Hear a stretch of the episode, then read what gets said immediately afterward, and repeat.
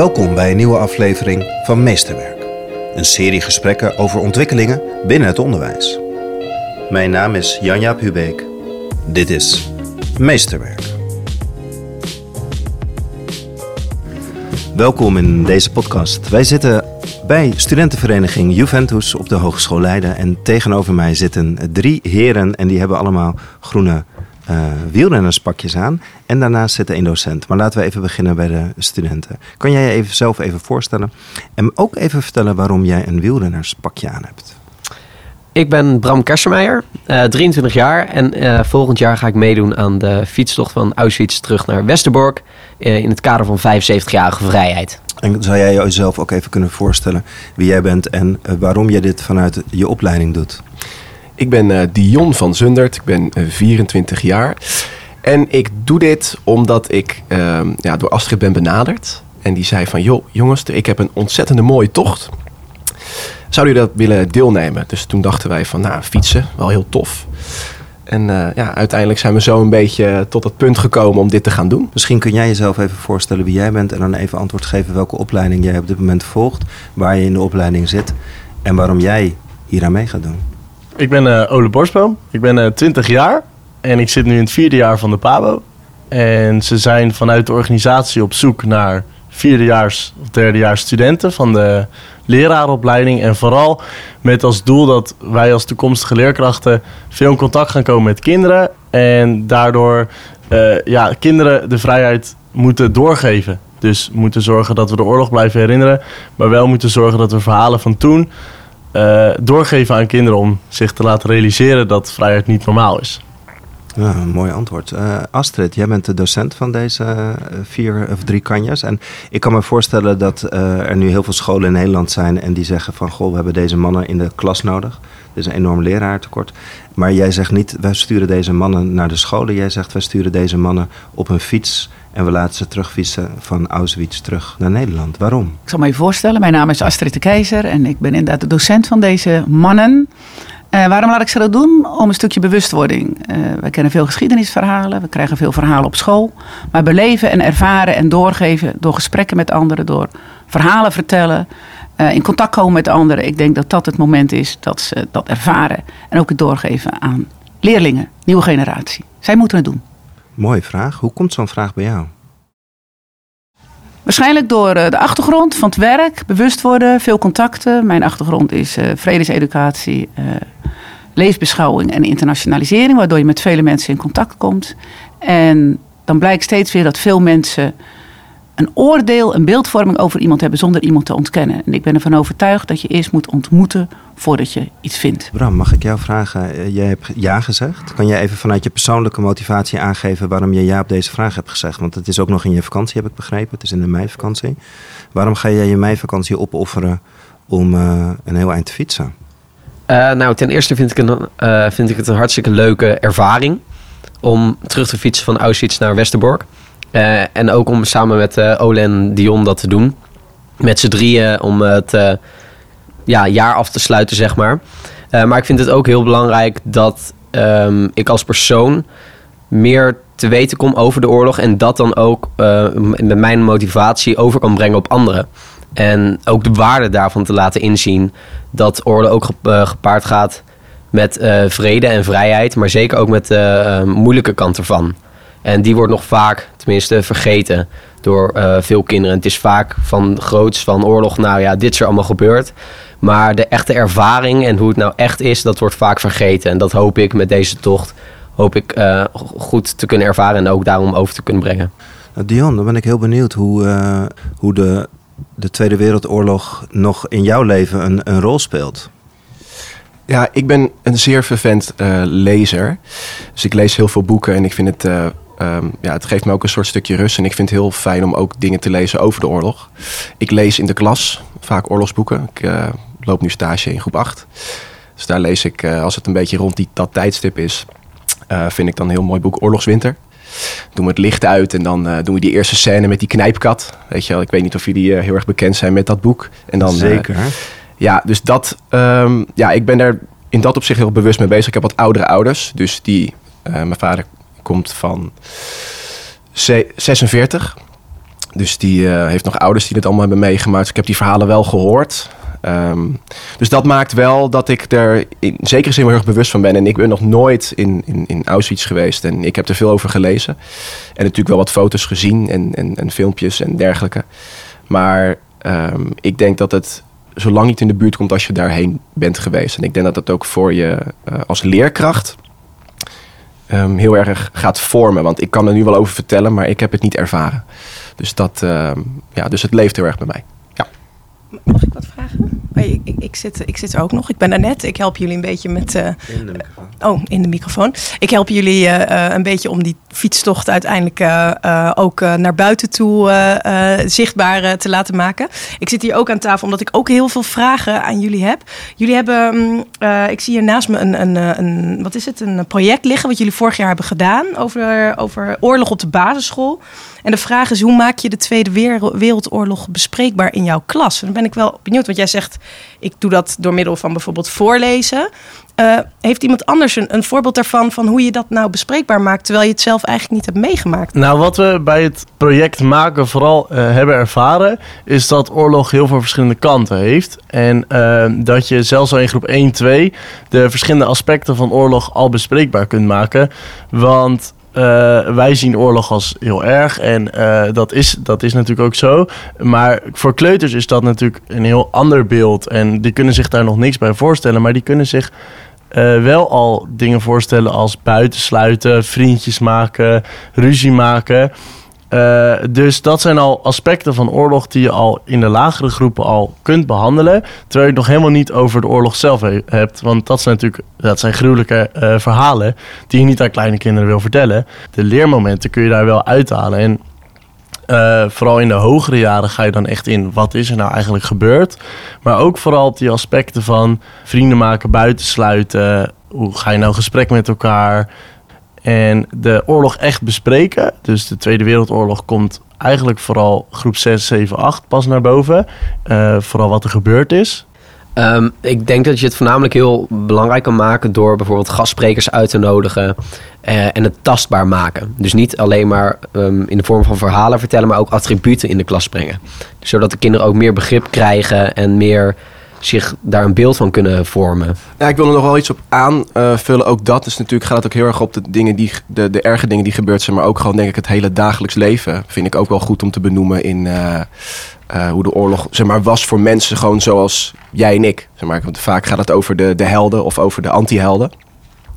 Maar ik denk voornamelijk dat het ook heel goed is om de kinderen bewust te maken dat het gewoon nu ook gebeurt. En dat je het ook vaak terugkoppelt. En ik denk wat, wat ik vaak doe is, ik zet het jeugdjournaal dan eh, s smiddags aan. Ehm, en dan komt er zo'n onderwerp en dan, ja, je, zet de tv in en je hebt wel eens oorlog in Syrië of eh, et cetera, et cetera. Ehm, en daar kan ik het dan vaak op inhaken van oké, maar hoe is dat dan voor hen nu op dit moment? Ehm, dus in die zin kun je het, zelfs van vroeger kun je het natuurlijk nu ook nog koppelen aan, aan hoe het nu is. Dus dat is dan heel eh, actueel. Ik vind het een mooi antwoord. Ik wil hem dan even naar Astrid doen. Want Astrid, jij bent docent op een lerarenopleiding. Je leidt leraren op die het vervolgens in de klas doen. En zij vertellen met z'n drieën hele mooie voorbeelden wat zij in de klas doen. Hoe geef jij onderwijs aan eh, deze heren, zodat zij het vervolgens in de praktijk goed kunnen doen? Allereerst is luisteren naar wat ze, waar ze vandaan komen, wat hun achtergrond is. Ehm, het gesprek gaande houden, want we hebben vaak heel veel verhalen over wat er buiten allemaal gebeurt. Maar we weten soms niet half wat er met onze eigen medestudenten of leerkrachten thuis aan de hand is. Niet dat je allemaal je eigen doopcel hoeft neer te leggen, maar wel even van hé, hey, waar kom jij vandaan, waar kom jij vandaan? Want die verschillen die er toen gemaakt zijn, hè, met die hele genocide, eh, waar jij net al aangaf met die Davidster, dat mensen gelijk onderscheiden werden. Dat gebeurt nog steeds op allerlei andere vormen. Ik was ook zo blij met jouw antwoord dat je dat zei.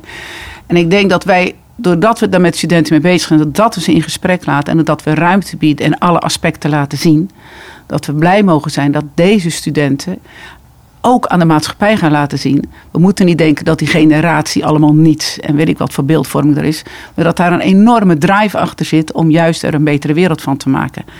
Dus ik denk dat als je het gesprek aan laten gaan in de groep tijdens de colleges, dat dat gebeurt. Ik geef ze materialen, eh, ik laat ze materialen maken, eh, ik geef ze voeding door collegestof te geven. Maar vooral zelf nadenken en het gesprek aangaan. En niet denken dat het allemaal vanuit die docent moet komen. Ik vind het een mooi antwoord. En, en wat mij erg aanspreekt in het antwoord van Dion is dat hij maakt een koppeling met nu. Ehm, en pak de microfoon als je een antwoord op wil geven. En ik vind het een heel belangrijk onderdeel wat je, wat je aanstipt. Van hoe kan je het nu aan het verleden eh, koppelen? Ik, ik, eh, eh, ik ben echt groot fan van de klimaatdemonstraties nu. Dat zijn gewoon een aantal, die zijn gewoon gaan staan. Aankomende vrijdag gaan heel veel kinderen gaan staken. Eh, het is een beetje in, in lijn met wat jij net zegt. Van hey, hoe gaan we met elkaar en met deze aarde om? Ik weet nou eigenlijk niet wat ik vraag. Maar misschien kan je iets zeggen. Ja, ik kan er wel wat op, op antwoorden. Je, wil, je, je vroeg of hoe je dat dan actueel maakt. Nou, ik denk... Kijk, wij zijn natuurlijk straks meesters. En door zo'n tocht te doen, die kinderen gaan je volgen. In ieder geval, eh, mijn kids, die weten al dat ik dit ga doen. Dus die zien al in groep 8 wat, ja, wat ze gaan doen. We gaan het vloggen, we gaan, het, eh, we gaan filmpjes maken. We maken het ook luchtig. Ik bedoel, het hoeft niet altijd heel zwaarmoedig te zijn. Want het is gebeurd en je kan ervan leren. Ehm, en dat wil ik eigenlijk met deze fiets- fietstocht wel benadrukken. Dat kijk, je herdenkt het op een heel andere manier. Je hoeft niet altijd stil te staan. Je kan ook dus bewegen in dit opzicht. Ik bedoel, eh, wij gaan fietsen en in, ja... Dus die kinderen gaan dat dan zien. En het leukste zou zijn als ze bijvoorbeeld, als je die filmpjes maakt, dat ze dat volgen. Want ik ben natuurlijk in de meivakantie ben ik er niet. Eh, zij natuurlijk ook niet, want zij zijn natuurlijk niet op school. Maar ze zien dus wel wat er, eh, wat er, wat er gaande is. En ik denk dat je op zo'n manier het heel actueel kan maken. Door het gewoon te doen. Ja. Ola, kan jij daar iets over vertellen? Want ehm eh, Dion zegt net, we gaan een aantal dingen doen. We gaan filmpjes maken. Hoe gaan jullie zichtbaar maken dat jullie met z'n drieën... eh, hoe lang is het eigenlijk?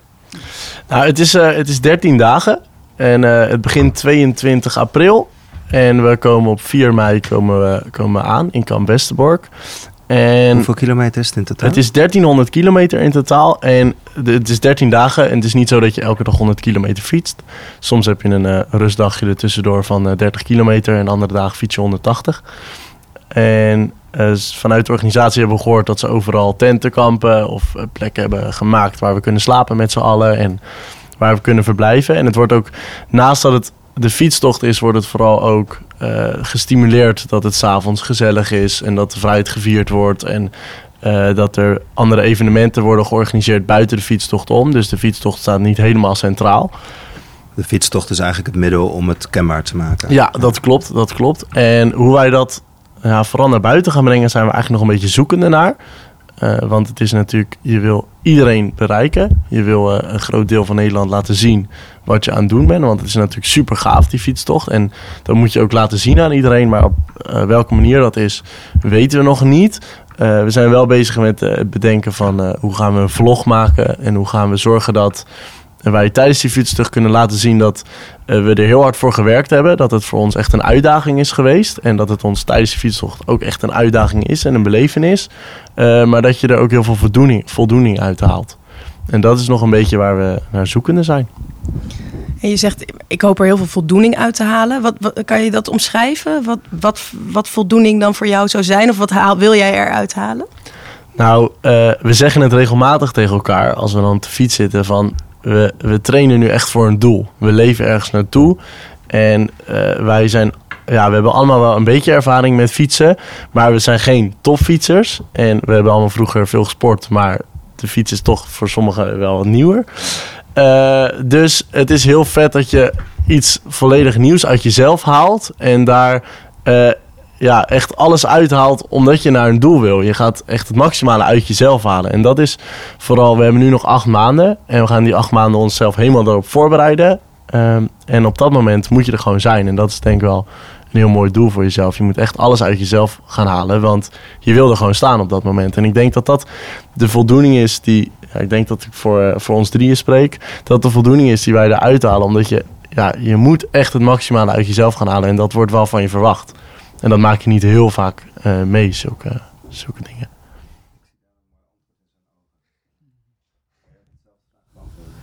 Nou ja, eigenlijk precies wat Ole zegt. Het is, je, je- leeft naar een doel toe. Eh, en de tocht er naartoe is ook eh, hartstikke belangrijk. Ehm, niet alleen het eindproduct, maar ook de weg er naartoe. Ehm, want dat trainen, dat doe je ook met elkaar. En met elkaar ga je dat doel bereiken. Ehm, en ik denk dat dat ook een heel belangrijk punt is, dat we dat met, met elkaar doen. Want als we dit alleen hadden gedaan, dan weet ik niet of we dat ehm, ook daadwerkelijk gedaan hadden. Ehm, maar omdat we dat met z'n drieën kunnen doen, eh, vinden we dat ook een heel leuk aspect erbij. En motiveert dat ook extra om ehm, echt volledig voor dit, dit project te gaan. En en de, de tocht, de 75 jaar vrijheid. Hè? Dus we zijn 75 jaar leven we, leven we in, een, eh, in een vrij land. Ehm, jullie worden meesters eh, allemaal.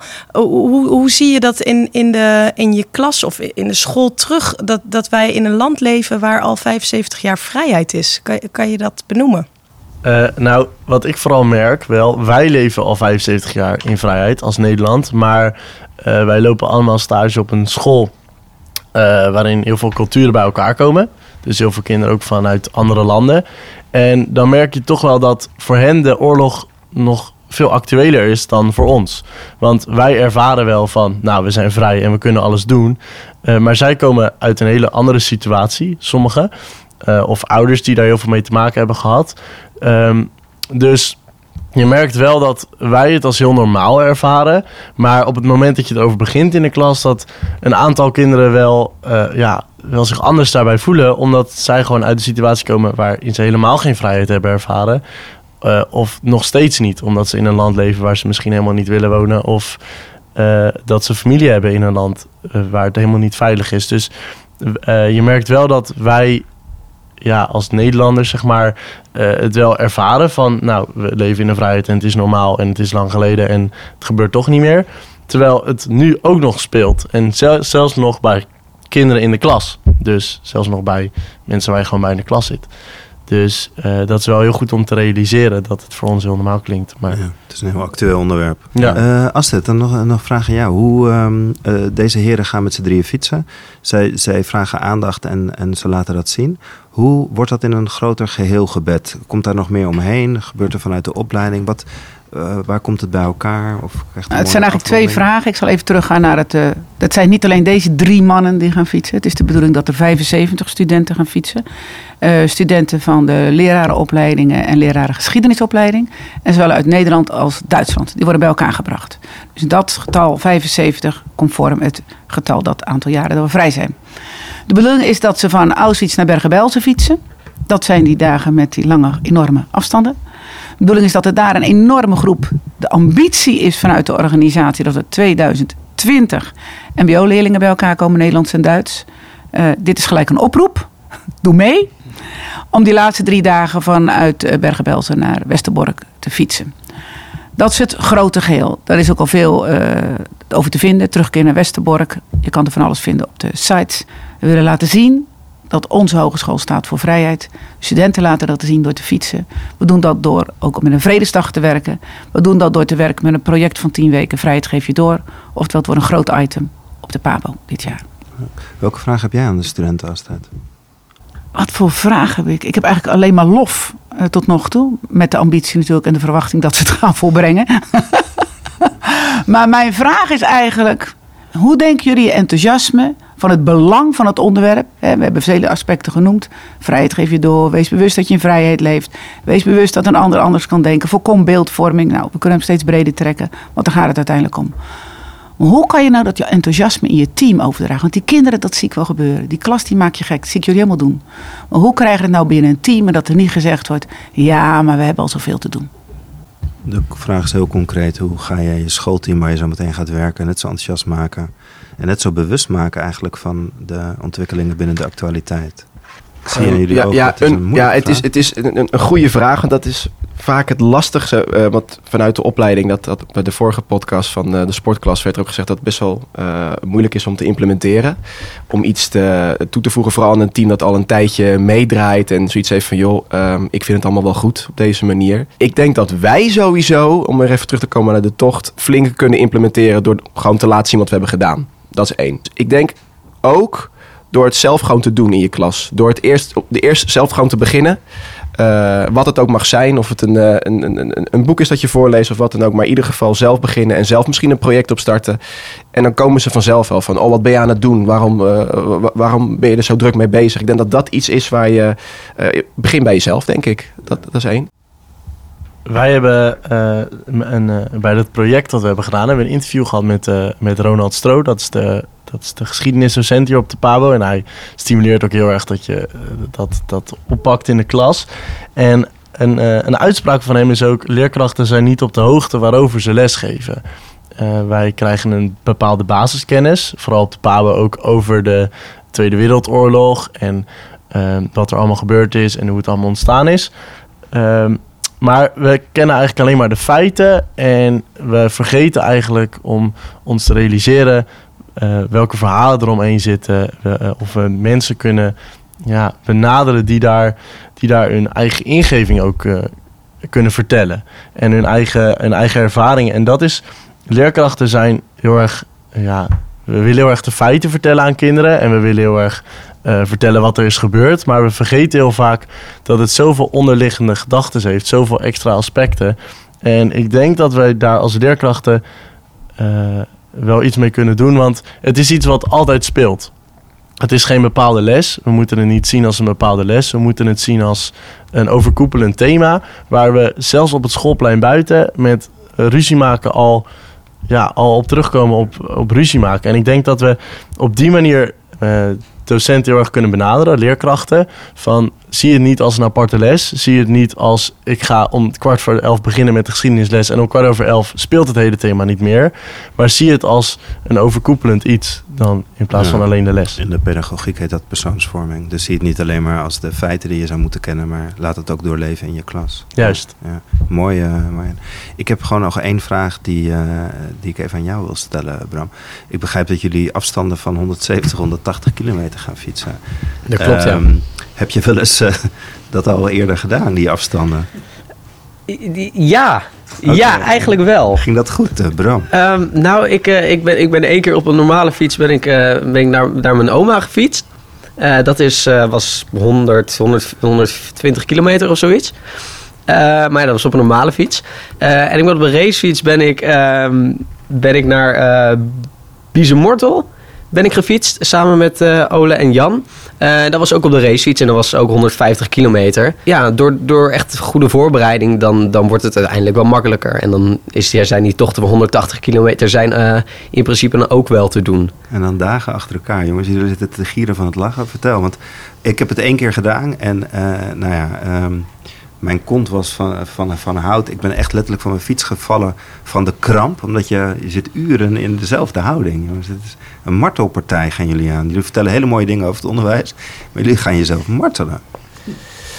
Ja, zeker. Ehm, ja, ik heb zelf, ja, wat Bram heel mooi zei, die heeft dan wel aardig wat kilometers in de benen. Ehm, ik ook wel, maar niet zulke lange tochten. Dus Het gaat eh, een die, hele interessante vlog worden dit. ja, dus, ja, zeker. En eh, ja, dat gaat, dat gaat aardig pijn doen. Nee, ik heb, ja, ik, ja, Nou, we kunnen het allemaal live volgen. ja. Je hebt een goede coach bij je. Je hebt een Dat goede ook, coach. bij ja. je. Hey, ik wil jullie ontzettend bedanken voor dit openhartige verhaal. En ik vind jullie een mooi voorbeeld voor het onderwijs. Hoe je met het thema vrijheid geef je door kan omgaan. Dank jullie wel. Mega stoer, dank jullie wel. Dank je. Bedankt. Dankjewel. Dit gesprek over fietsen van Auschwitz naar Westerbork is er eentje uit de serie Meesterwerk. Meer afleveringen zijn te beluisteren via Spotify, iTunes, Soundcloud of op janjaphubeek.nl. Je kunt deze aflevering een duimpje of een aantal sterretjes meegeven, zodat meer mensen deze podcast makkelijker kunnen vinden. Wil je meer weten over 75 jaar vrijheid? Kijk dan op www.terugnaarwesterbork.eu. Hoe dan ook, tot de volgende aflevering van Meesterwerk.